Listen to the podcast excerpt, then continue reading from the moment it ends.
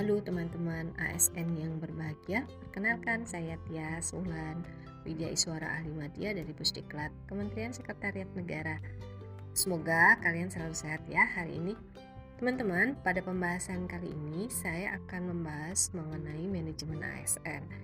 Manajemen ASN ini, sebagaimana kalian tahu, pasti tidak terlepas dari adanya pegawai ASN yang terdiri dari pegawai negeri sipil dan pegawai pemerintah dengan perjanjian kerja atau yang biasa disebut PPPK atau P3K. Dalam pengertian ASN berarti ada dua ya, pegawai negeri sipil, PNS, dan PPPK.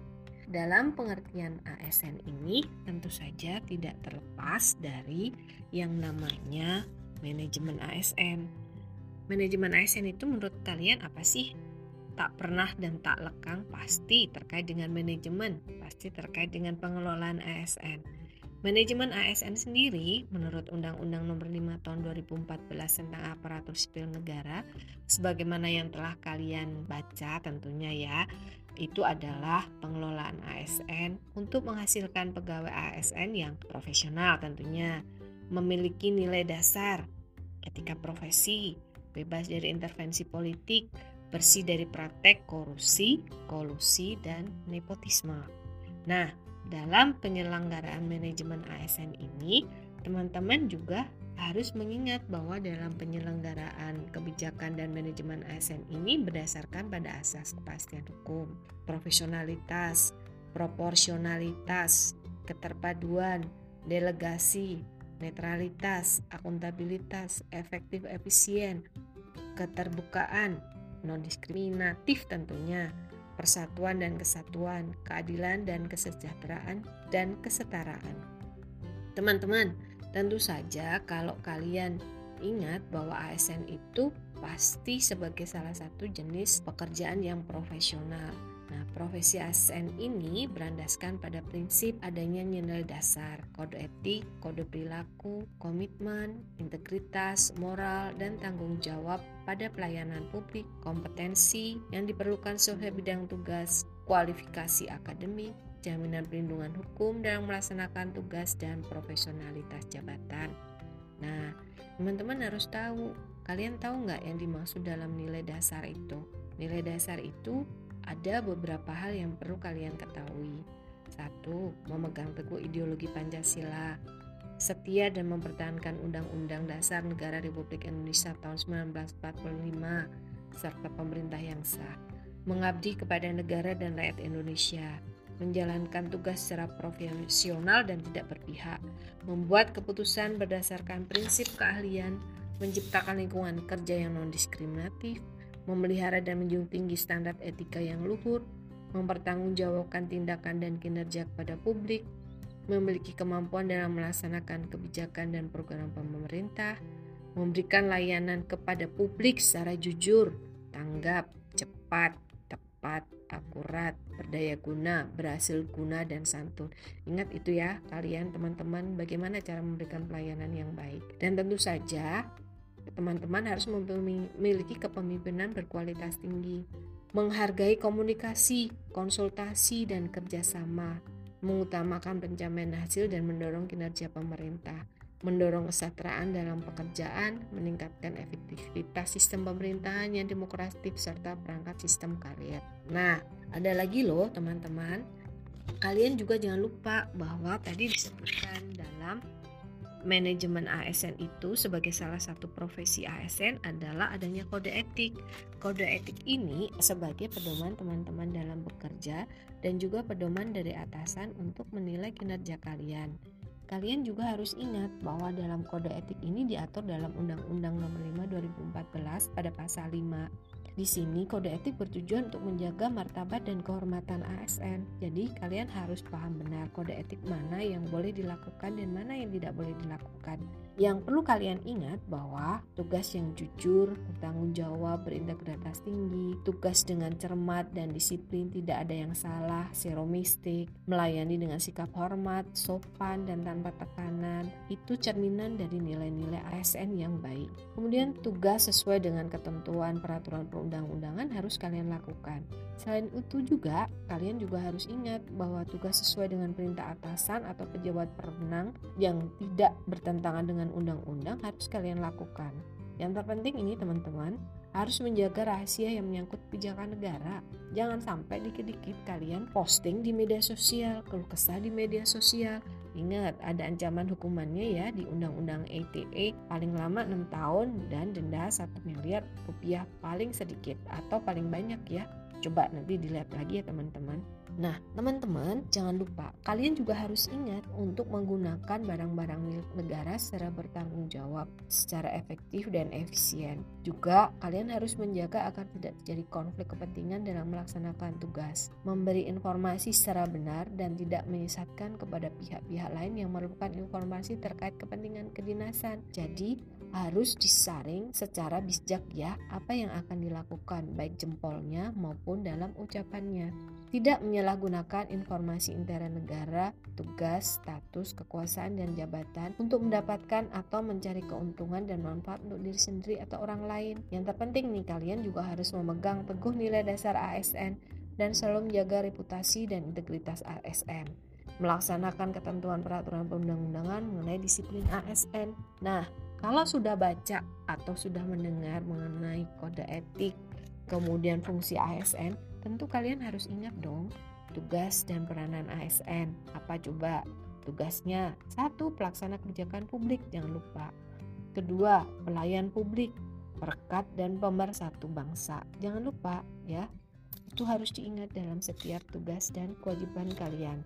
Nah, teman-teman, sebagai pendegawai negeri sipil, kalian juga harus ingat bahwa dalam pengembangan karier teman-teman dalam pelaksanaan jabatan ini ada tiga untuk ASN jabatan administrasi, jabatan fungsional, dan jabatan pimpinan tinggi. Nah, kira-kira teman-teman atau kalian berada posisi yang di mana?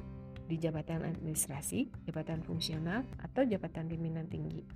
Kalau kalian berada di jabatan administrasi, berarti kalian akan melaksanakan tugas dan pekerjaan kalian sesuai dengan posisi di bidang administrasi di mana kalian mempunyai hak dan kewajiban untuk melaksanakan tugas dan peranan kalian secara jabatan administrator, jabatan pengawas, atau jabatan pelaksana. Nah, kalau kalian berada di jabatan fungsional, kalian ada dua hal, fungsional keahlian dan fungsional keterampilan di mana kalian nanti akan menduduki jabatan sesuai dengan porsinya dimulai dari jabatan ahli pertama, ahli muda, ahli madya, ahli utama untuk jabatan fungsional keahlian.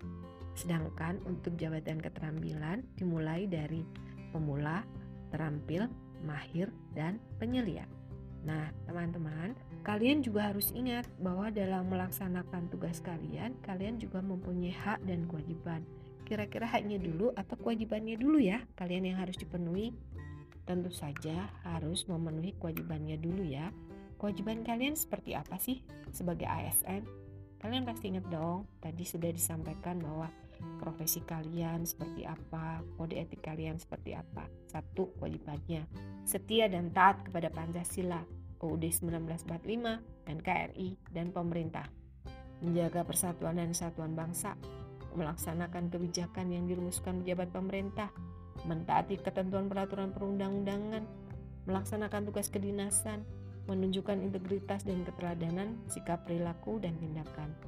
Dan tentunya kalian bersedia ditempatkan di seluruh wilayah NKRI. Nah, kalau kewajibannya sudah, bolehlah kalian untuk menuntut haknya. Tapi ingat ya, ada dua. Kalau kalian sebagai PNS, kalian berhak memperoleh gaji tunjangan dan fasilitas, cuti, jaminan pensiun dan jaminan hari tua, perlindungan dan pengembangan kompetensi. Nah, ini yang untuk teman-teman yang PPPK, teman-teman tidak akan mendapatkan jaminan pensiun dan jaminan hari tua ya. Tolong diingat. Nah, teman-teman, dalam sistem merit ini merupakan bagian dari manajemen ASN tadi. Teman-teman akan mendapatkan jaminan keadilan dan juga menyediakan ruang keterbukaan dalam perjalanan karir teman-teman semua. Nah, kalian harus ingat bahwa dalam prinsip merit ini berdasarkan kepada keadilan, kewajaran, objektif, dan berbasis kinerja.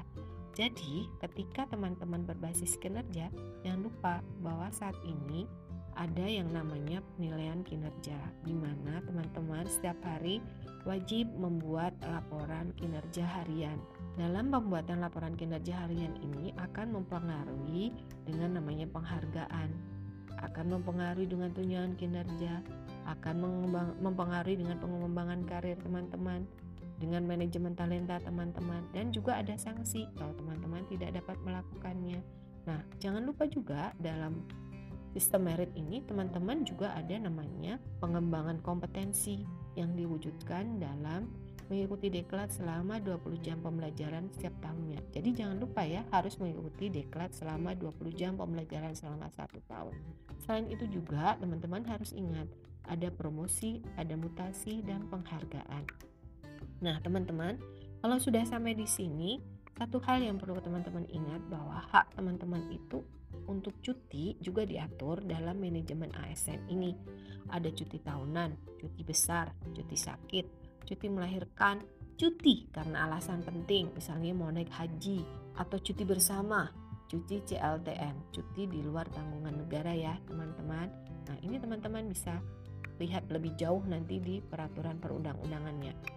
Nah teman-teman supaya tidak pusing saya ingin merangkum bagaimana manajemen ASN ini sebagai pengelolaan sistem karir teman-teman. Itu yang terbebas dari intervensi politik, bersih dari praktek korupsi, kolusi, dan nepotisme ini terdiri dari penyusunan dan menetapkan kebutuhan dan pengadaan pegawai, pangkat dan jabatan teman-teman juga diatur di sini, pengembangan karir teman-teman juga diatur, pola karir, promosi, mutasi, penilaian kinerja, pengajian dan tunjangan, penghargaan, disiplin, pemberhentian, jaminan pensiun dan hari tua dan perlindungan hari tua. Nah, teman-teman kalian bisa lihat dan kalian pelajari lebih lanjut dalam Undang-Undang ASN.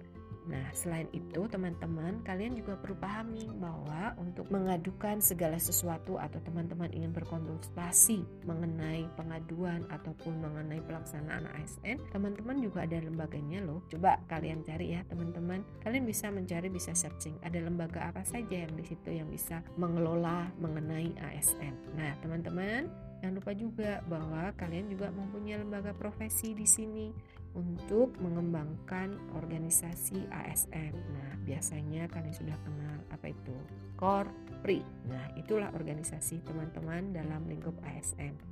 Selain itu juga teman-teman juga mempunyai sistem informasi yang saat ini sedang dibangun oleh BKN dan terutama untuk lembaga-lembaga tertentu sudah mempunyai sistem informasi dengan baik. Di sini sistem informasi sudah disusun secara sistematis, menyeluruh dan terintegrasi terkait dengan informasi data kepegawaian teman-teman semua. Hal ini dilakukan supaya pelayanan kepegawaian di masing-masing instansi atau lembaga semakin efektif, efisien, sehingga akurasi pengambilan keputusan dalam promosi, mutasi, pengembangan karier dalam manajemen ASN bisa berjalan dengan baik dan lancar. Teman-teman yang berbahagia, saya rasa pertemuan kita kali ini cukup. Semoga ini bisa menjadi bekal kalian untuk memahami manajemen ASN yang telah kita pelajari terutama berkaitan dengan Undang-Undang Nomor 5 Tahun 2014. Terima kasih, sukses selalu untuk teman-teman.